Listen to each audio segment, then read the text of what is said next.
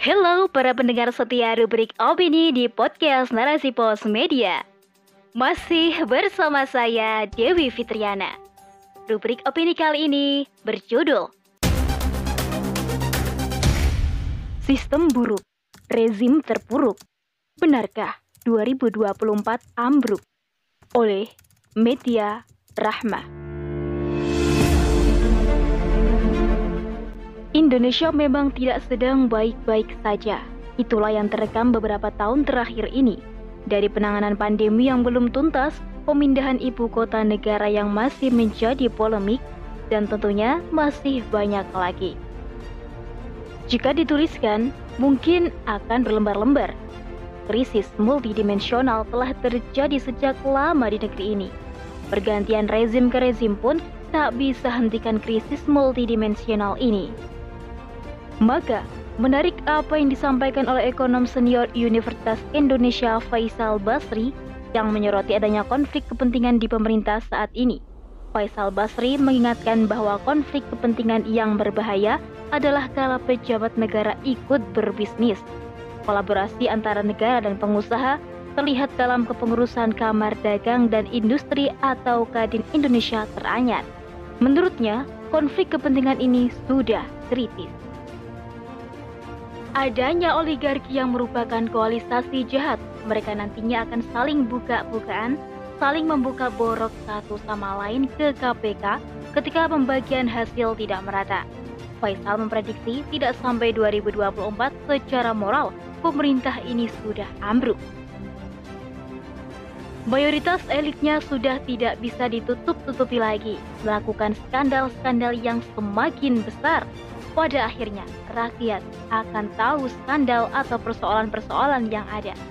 Karena itu, Faisal berharap masyarakat tahu persoalan itu agar perlawanan rakyat betul-betul terwujud. Jangan sampai negara jadi raksasa lalim karena konflik kepentingan state dan korporasi. Tak berlebihan jika Faisal memprediksi pemerintahan Joko Widodo atau Jokowi Ma'ruf Amin akan ambruk secara moral sebelum 2024. Namun staf khusus Menteri Sekretaris Negara, Valdo Maldini, mengklaim bahwa negara selama ini tak pernah menutup mata soal skandal para elit di negeri ini.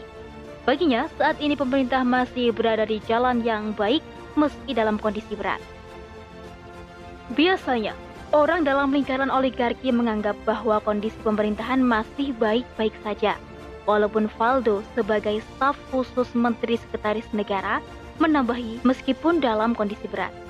Nah, ini sudah memberikan sinyal bahwa kondisi memang sudah hancur sebenarnya. Ekonom seperti Faisal Basri memiliki analisis yang bisa merangkum data-data tentang kondisi ekonom dari tahun ke tahun. Maka, dari data-data yang ia miliki tersebut, bisa ditarik analisis tentang kondisi rezim saat ini dan memprediksi nasib rezim nanti. Sebagai masyarakat awam, kita juga akan melihat bahwa kondisi negara kita memang pada tahap tidak baik-baik saja. Merasakan kebijakan-kebijakan yang tidak berpihak pada rakyat, melihat ulah para pejabat yang terlibat korupsi, pembangunan IKN atau ibu kota negara yang kontroversial semua akan terlihat betapa rakyat ini telah berulang kali menjadi pihak yang diabaikan. Padahal mereka yang duduk di DPR atau MPR adalah wakil rakyat. Wakil rakyat sudah seharusnya menjadikan rakyat fokus utama, bukan para oligarki yang diutamakan. Semua berawal dari sistem yang dipakai di negeri ini. Kapitalis sekuler yang menjadikan negeri ini kian terpuruk Kapitalis sekuler yang menjalar di semua lini kehidupan di negeri ini mencampakkan aturan agama atau syariat dari kehidupan. Islam hanya dipakai sebatas ritual atau ibadah dan akhlak saja, sedangkan aturan kehidupan tidak mengambil dari Islam. Padahal Islam merupakan seperangkat aturan kehidupan. Jika manusia taat pada aturan Allah, maka Allah menjamin keselamatan dan keberkahan tidak taatnya manusia pada aturan Allah, maka keberkahan itu pun akan tercerabut. Bagaimana firman Allah Subhanahu wa taala? Jikalau sekiranya penduduk negeri-negeri tersebut beriman dan bertakwa, pastilah kami akan melimpahkan kepada mereka berkah dari langit dan bumi. Tetapi mereka mendustakan ayat-ayat kami itu, maka kami siksa mereka disebabkan perbuatannya. Quran Surat Al-A'raf ayat 96 Al-Bakhawi dalam kitab Anwar Al-Tanzil wa Asror Al-Ta'wil menjelaskan Keberkahan dalam ayat tersebut adalah diluaskan dan dimudahkannya berbagai macam kebaikan di seluruh penjuru negeri. Syarat dan kunci utama untuk mendapatkan keberkahan tersebut adalah iman dan takwa kepada Allah Subhanahu wa taala. Iman secara bahasa atastik atau percaya. Sementara itu, takwa dapat dimaknai mengerjakan perintah-perintah Allah serta meninggalkan kemaksiatan dan segala larangan Allah untuk mendapatkan rahmat dan keridhaan Allah. Namun, ketika banyak kemaksiatan, kufur nikmat dan kezoliman yang merajalela akan mencabut keberkahan dari suatu negeri itu sendiri. Allah telah menggambarkan di dalam Al-Quran dalam surat An-Nahl ayat 112. Dan Allah telah membuat perumpamaan sebuah negeri yang dahulunya aman, tentram, rizkinya yang datang melimpah ruah dari setiap tempat. Tetapi karena penduduknya mengingkari nikmat-nikmat Allah, maka Allah merasakan bencana kelaparan dan ketakutan sebab ulah perilaku mereka sendiri. Sahabat, membaca firman Allah ini saja sudah bisa dibayangkan di negeri kita ini.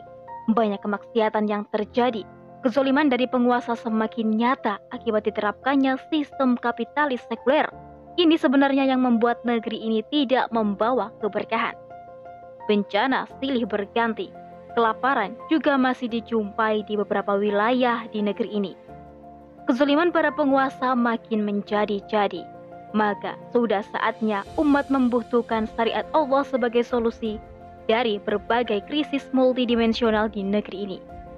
Jika memang sebelum 2024 rezim penguasa akan ambruk, maka yang menjadi pertanyaan adalah siapa yang akan menggantikannya nanti. Tentunya, jika menginginkan negeri ini berkah, maka tak hanya orang yang menggantikan saja yang jadi fokus, namun sejatinya sistem aturanlah yang menjadi fokus utama.